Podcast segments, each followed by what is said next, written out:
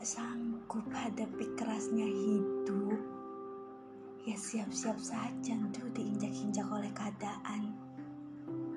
Di zaman sekarang, di umur-umur yang sekarang, banyak sekali orang-orang menanyakan, kerjanya di mana?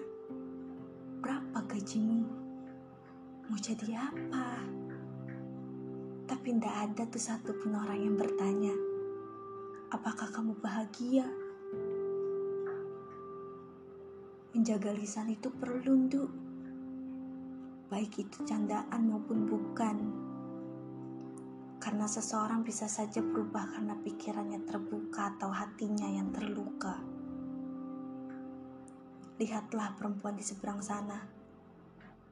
Ia penuh luka dan dendam, penuh amarah dan keras kepala Dunia menghantamnya begitu keras tanpa jeda.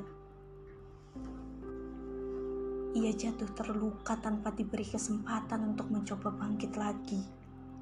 Ia babak belur tanpa pertolongan pertama. Dunianya sudah tidak baik-baik saja. Sekelilingnya menghantam dengan rasa sakit tanpa bersalah.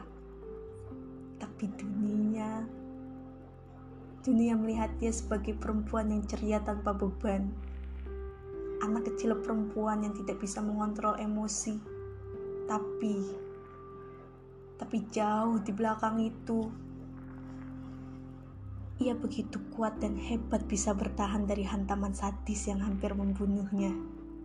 Tapi dunia, dunia lagi dan lagi melihatnya seperti anak kecil perempuan yang cengeng. Dia tidak butuh tempat yang indah yang ia butuhkan adalah sosok yang bisa menjadikan semua tempat itu indah. Tapi di mana jalannya? Di mana ia bisa temukan? Ia sulit untuk dipahami. Ia kesakitan sampai tidak bisa diobati. Sekelilingnya menyerah, tapi dia tak pernah menyerah.